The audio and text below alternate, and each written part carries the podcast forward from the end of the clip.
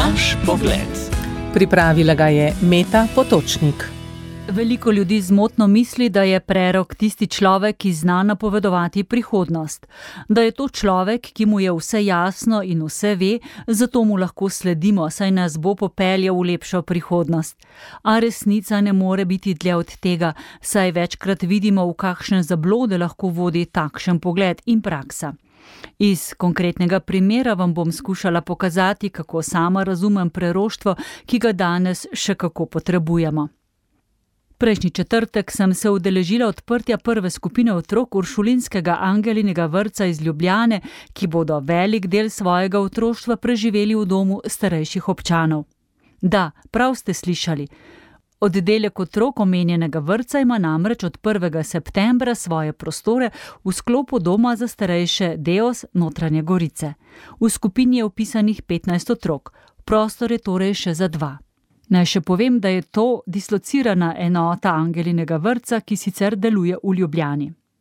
Pristojni v Deosu notranje Gorice so prostore pripravili in tako za misel finančno podprli. Občina Brezovica je priskrbela igrala, Angelin vrtec pa vzgojiteljski kader. Kolikor mi je znano, je to zaenkrat prvi takšen poskus v Sloveniji, ki je uresničil dolgoletne sanje izredno ustvarjalne in srčne direktorice doma Ane Petrič in ravnateljice Angelinega vrca Tine Opeka. Vsi nastopajoči v tej pozitivni zgodbi so opravili svoje delo, da se je pričel konkreten projekt medgeneracijskega sobivanja, o katerem tako veliko poslušamo. Najprej nekdo opazuje življenje in slovensko družbo in vidi, da nastaja vedno večji prepad med mladimi in starejšimi in da nam grozi nevarnost popolne odtujitve vedno manj je možnosti, da bo za starejše in tudi za tega, ki sanja, na starost prijazno in strokovno poskrbljeno, kajti samo tisto, kar poznaš, imaš lahko rad. Drugič. Prerok začne sanjati o boljšem svetu in se vpraša, kako ta dva svetova povezati. Tretjič. O tem se pogovarja z drugimi, deli svoje sanje. Četrtič.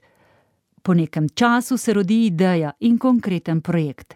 Najdejo se ljudje, ki projekt z veseljem podprejo, ker se zavedajo, da gre tudi za nje, saj tudi njih čaka starost. Pri tem projektu gre za zares dobro zamisel sobivanja. Res je, vrtec ima lasten vhod, a stanovalci bodo lahko zjutraj na voljo pri sprejemu otrok. Seveda imajo otroci lastno igrišče, a stanovalci jih bodo lahko opazovali, poslušali otroški vriski in jok, in to jih bo pomladilo in razveselilo. Lahko bodo tudi odšli z otroki na sprehod, saj vemo, kako počasi leze po cesti skupina otrok iz jasličnega oddelka, starejši jih bodo brez težave dohajali. Lahko bodo otrokom prebrali pravljico ali jim povedali kakšno dogodivščino iz svojega dolgega življenja. Lahko bodo imeli skupne urice ročnega ustvarjanja in še in še je mogoče. Prepričana sem, da bo stanovalcem življenje postalo lepše, tisti bolj pokretni bodo imeli nov smisel in kakšno drobno novo dožnost, tisti manj pokretni bodo veseli že samo obiska ali nasmeha otrok. Vse to pa bo vplivalo na njihovo boljše duševno in telesno zdravje. Prerok v tej zgodbi je torej človek, ki živi z nogami trdno na zemlji in z glavo v nebesih. Je tisti, ki prepozna znamenja časa in to, kar je danes temeljno. Znamenje časa danes je naš odnos do življenja v njegovem začetku in koncu. Današnji prerok vedno ščiti življenje in ga krepi, zato prerok ni revolucionar. Ne ustraši se naporov in vprašanj, naprimer, kako bomo dobili vsa potrebna dovoljenja, ali nam bodo starši sploh zaupali svoje otroke, ali bomo imeli dovolj denarja, ali so kakšne birokratske ovire, sanitarne ovire in tako naprej. Norost preroka je v tem, da dobro razmisli, a kljub temu ve, da prihodnost ni sto odstotno zagotovljena, ne finančno, ne kadrovsko in še kako drugače ne. In vendarle stopi na pot. Nori prerok tudi ne razmišlja o tem, ali ga bodo mediji prepoznali, ali jih bodo na ministrstvu opazili in podprli. To dela zato, ker ve, da je tako prav. Zato je zgodba zaživela in verjamem, da je to prva lastovka, ki ji bodo sledile še druge. Zdaj sem govorila o začetkih življenja, zdaj pa pride na vrsto še konec življenja. Trenutno so poplave in neurja vprašanje pomankljive palijativne oskrbe in zakon o prostovoljnem končanju življenja potisnile v ozadje, a težave kronično bolnih, starejših in umirajočih ostajajo. V državi imamo samo en hospic v Ljubljani, ki odlično deluje, a nujno bi potrebovali še kakšnega, da bi tako brez besed pokazali, kako gojiti kulturo življenja v trenutkih umiranja.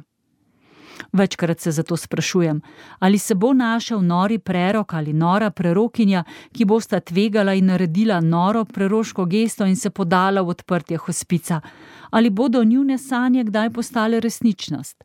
Ko sem to nekaterim dobro mislečim ljudem omenila, so se vsi strinjali z menoj, da potrebujemo hospic, a tako je sledil tisti neznosni ampak. Veš, to ni tako preprosto. Za začetek že morda dobiš denar za gradnjo, potem je to treba vzdrževati, zaposliti ljudi in priskrbeti plače. Brez države to ni mogoče, preveč si idealistična. A ne bom nehala sanjati in govoriti o tem.